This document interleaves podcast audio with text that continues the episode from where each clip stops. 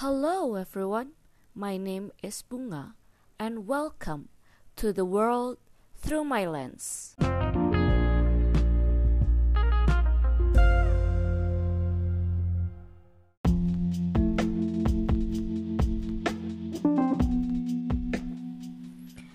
Terima kasih buat masih mendengarkan podcast aku. Dan kali ini aku nggak sendirian karena bosen juga chat-chat sendiri gitu ya aku akan ditemenin dan kita akan ngobrol-ngobrol masalah Jepang sama Rena Galbi karena kenapa Jepang sih karena kita berdua sempat ikut program Genesis Genesis itu short course gitu short term ke Jepang selama sekitar dua minggu.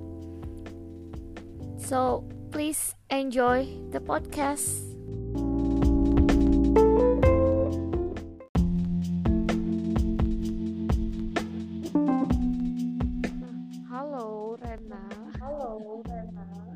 Halo, Bisa dengar suaraku? Bisa dengar suaraku? Iya bisa. Oke, eh, Oke, eh, hari ini sih kita hari ini sih kita temanya mau cerita tentang gimana waktu Genesis. program Genesis dulu. jadi awalnya Jadi awalnya kamu gimana? Boleh cerita gabung sedikit? di program Genesis. program Genesis. Jadi awalnya itu uh, kesempatan sama alumni terus seleksi di dalam pondok. Jadi yang ikut seleksinya itu anak MA sekitar 20-an. Terus alhamdulillah saya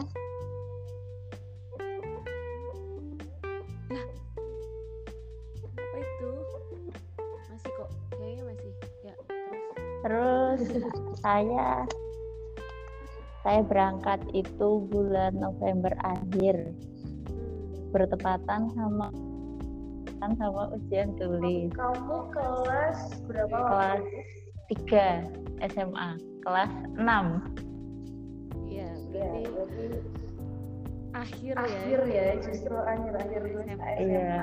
akhir-akhir Boleh Boleh diceritain diceritain sedikit nggak? Jadi Genesis itu program apa sih?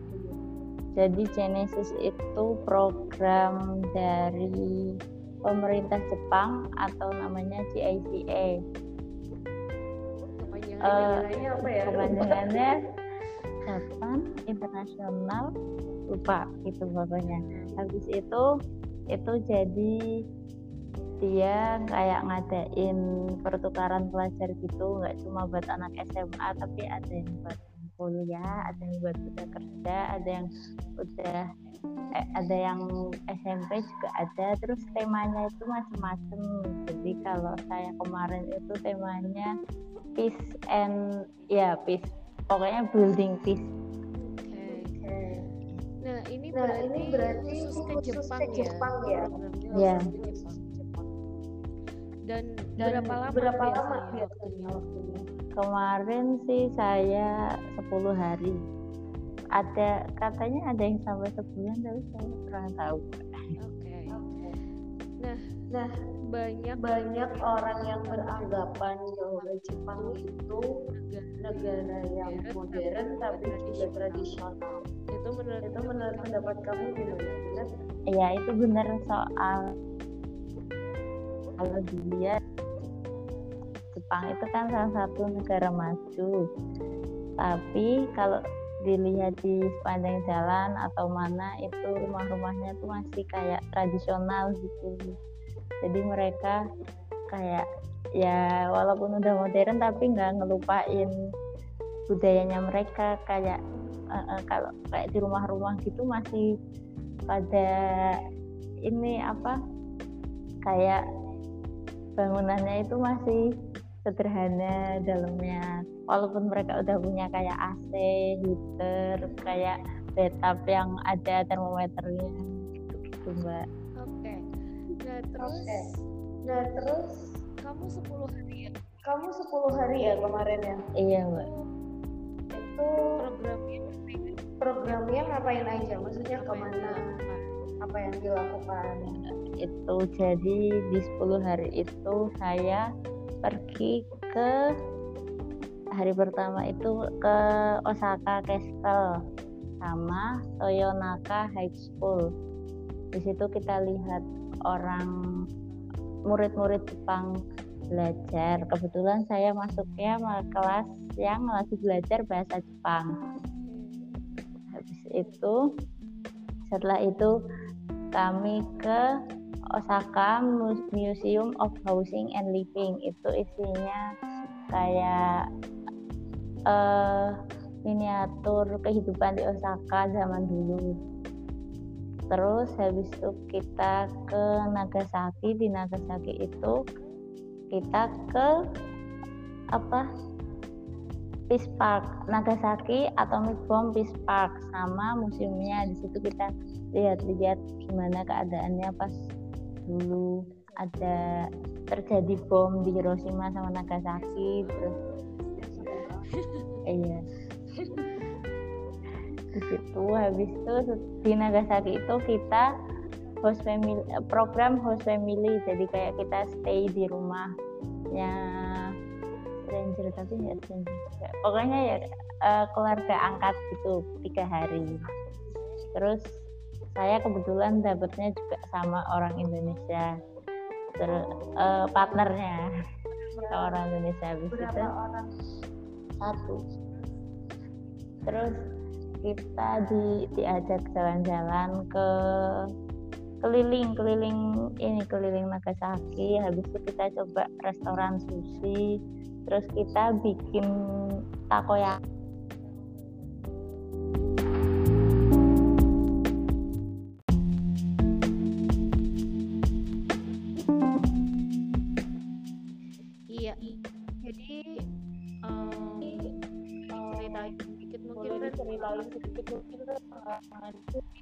yang kamu dapat unik yang kamu dapat dari Jepang. Jepang. Pengalaman pengalaman uniknya itu sebenarnya agak memalukan sih. Itu kan karena saya itu kan pas hari terakhir itu kan pulang ke hotel kan sendirian. Gara-gara ditinggal sama teman-teman saya. Kalau sama teman sekamar saya juga. Habis itu saya jalan itu udah jam 10 saya harus cepet-cepet balik ke hotel karena hotelnya tutup jam 10 dan kebetulan kamar saya itu di lantai 14 atau sekitar 14 17 terus saya itu kan naik lift sendirian gelap-gelap. Saya terus saya keluar eh, keluar lift. Keluar lift itu karena kamar saya di atas kan jadi tambah serem gitu ya mbak. Nah habis itu saya jalan terus saya nggak tahu kalau ternyata lampunya itu lampu otomatis. Dan pas saya jalan tiba-tiba lampunya nyala semua. Habis itu saya kira kan kayak ada kayak ada something samping-samping menyeramkan gitu kan. Kok ini kok kenapa lampunya bisa nyala sendiri? Habis itu udah saya lari sambil teriak-teriak untuk untuk yang di dalam apa kamarnya kedap suara. Jadi kan ternyata itu ternyata itu atau lampu otomatis. Iya lampu oh otomatis. Oh my god. Habis itu saya langsung tidur kamar manggil teman saya. Itu teman saya bingung ngapain sih Dan itu lampunya nyala sendiri. Terus teman saya ketawa itu kan otomatis. Ya Allah sudah udah itu tragedi paling tragedi. Itu kejadian paling lucu pas saya di Jepang sekaligus memalukan. Karena saya saking parnonya jadi lupa sampai lupa atau nggak tahu pokoknya itu kalau itu lampu otomatis. okay. menarik okay. banget karena menarik banget sih karena actually actually setiap orang ya setiap orang itu pasti punya pengalaman kalau norak. keluar keluar negeri. gitu ke mana pun. Uh, kalian sama sih ya. sama sih ya aku mau cerita sedikit jadi aku jadi aku pernah ikut juga program yang sama kayak Rena Genesis itu Genesis sekitar dua minggu lah itu di sekitar dua minggu lah di Jepang. And that is my first and that is my first time Very- to see a very Toilet. modern toilet. Mungkin Rena juga tahu. Mungkin Rena juga Ada tahu toilet. ya Iya. ada toilet. Banyak tombol. banyak Banyak tombol. tombolnya. sebelah kanan. Iya. Itu itu bingung pasti pakainya bingung pasti gimana. makainya pertama gimana. nyari flash nyari flashnya itu nggak ketemu ketemu baru pertama kali baru pertama kali datang itu kebayang padahal masih kebayang masih jet lag masih lah ibarat. jet lag lah Ibarat. ibaratnya mau bingung nyiram gimana nyiramnya gimana tombol nggak ketemu tombol siramnya. flash tombol siramnya akhirnya kita Senorak. pikir dong ya senorak-noraknya orang Indonesia gitu kan. Toilet. Toilet Indonesia itu kan pasti ya adalah bisa apa digunakan. yang bisa digunakan sebagai sebagai Kalau di sana gayung. kalau di sana kan nggak ada.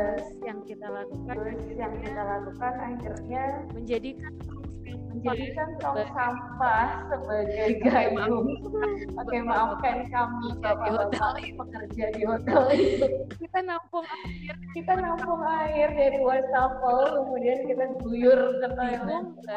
Bingung nggak ada. Tombol flush yang ketemu tuh yang ketemu tuh tombol apa nyiram yang otomatis itu tapi bukan flushnya ternyata setelah dicari-cari. Ternyata setelah dicari-cari setelah ngobrol diskusi di grup. Akhirnya ada akhirnya ada satu teman yang itu bilang ada di bawah itu ada di bawah wastafel. Dan akhirnya kita baru Sadar. baru nemu baru sadar. sudah. Itu ya itu sudah. benar-benar itu pengalaman. itu benar-benar pengalaman yang bisa dilupakan. ya, dilupakan sih. ya sama tadi. pertama kali. eh, pertama kali mengalami kejadian norak mengalami Ya. kejadian norak kali ya di luar negeri oke Oke, itu tadi pengalaman yang lucu, yang, Norak. yang norak itu nggak kalau terlupakan. pengalaman Kalau pengalaman yang berkesan apa Ren? pengalaman berkesan banyak sih sebenarnya tapi saya paling menurut saya berkesan tuh karena saya bisa ketemu banyak orang baru yang saya sebelumnya itu malah saya kan orangnya grogian kalau ketemu orang. Kemarin tuh jadi sebuah tantangan yang sangat besar buat saya. Saya ketemu orang tuh ya mencoba kalem Ren santai aja santai gitu. Jadi berkesannya itu karena saya akhirnya bisa melawan rasa takut saya sendiri.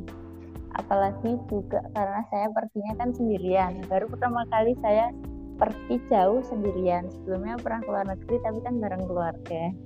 Nah itu karena itu baru pertama kali dan saya nggak kenal siapa-siapa. Itu sebenarnya saya takut banget. Tapi akhirnya saya alhamdulillah berhasil lah istilahnya. Ya jadi itu yang paling berkesan. Kalau Kalau dapat kamu dapat nggak tanggapan orang Jepang sendiri terhadap Muslim? Dapat. Jadi kemarin saya ketemu beberapa orang Jepang itu ada yang bilang Muslim itu eh, katanya katanya dia bilang orangnya itu baik-baik gitu. habis itu mereka sempat heran sama kerudung sempat nanya emang kalian nggak panas kalau pakai itu? Habis itu ya udah kami jawab enggak malah lebih panas kalau nggak pakai gitu. Habis itu ditanyain terus itu dilepas sampai eh kalau tidur dilepas apa enggak? Mereka nanya mereka nanya kayak gitu. Habis itu ya udah kami jawab enggak gitu. Terus mereka jadi kayak malah tertarik lebih tertarik buat tanya-tanya tentang tentang hijab dan kayak eh, itu yang enggak kalian pakai hijab kalau di depan siapa aja. Terus ya udah kami jelas jela- kami jelasin kayak eh, kalau kami pakai hijab itu kalau di tempat umum sama misalnya ketemu sama laki-laki. Jadi laki-laki yang kayak nggak ada hubungan darah sama kita kayak bukan keluarga. gitu memang kayak Iya, memang kayaknya Jepang itu mulai mulai Dan tertarik dengan Islam Islam. sebenarnya. karena Karena lagi lagi aku mau cerita sedikit juga. waktu aku ke sana jadi host family.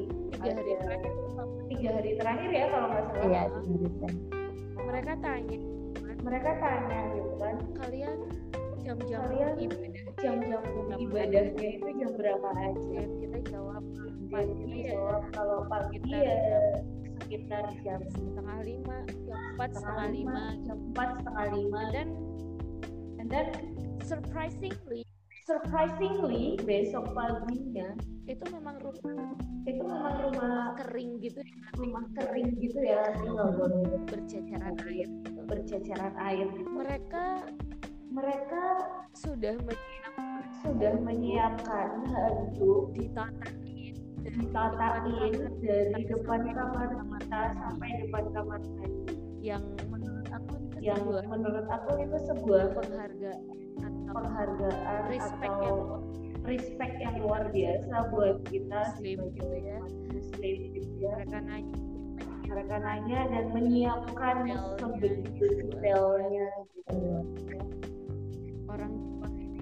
Orang Jepang ini memang ya respect dan iya respect dan sopan mereka sopan juga sama orang lain oke. Oke. Pertanyaan terakhir. Pertanyaan terakhir deh kira-kira kira-kira apa apa pesan kamu pesan kamu buat orang-orang lain yang pengen orang-orang lain yang pengen keluar negeri. untuk mimpinya percaya itu bahwa mimpinya itu bisa jadi. Pesan saya adalah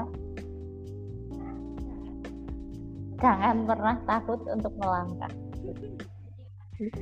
Jadi kalau misalnya kita suka sama sesuatu, ya udah lakuin aja. Terus kita, misalnya kita suka sama suatu per- sama suatu pelajaran, Ya udah pokoknya yakin aja, nggak bakal ada yang sia-sia. Kalau misalnya kita suka sama itu, ya udah kita pelajari lebih dalam. Habis itu nanti pasti ada kesempatan. Pasti Allah itu ngasih kesempatan gitu. intinya di mana ada kemauan di situ ada ada kemauan di situ ada jalan. Ya. oke thank you Rena Oke, thank you Rena buat sharingnya. semoga Sama-sama. Semoga nanti yang mendengar podcast nanti ini yang mendengar podcast ini percaya percaya bahwa apa pun yang diinginkan akan bisa terwujud ketika mereka memang. Ya. itu ya thank you Ya, thank you for this listening podcast this and don't podcast. forget to and be don't forget to awesome. be awesome.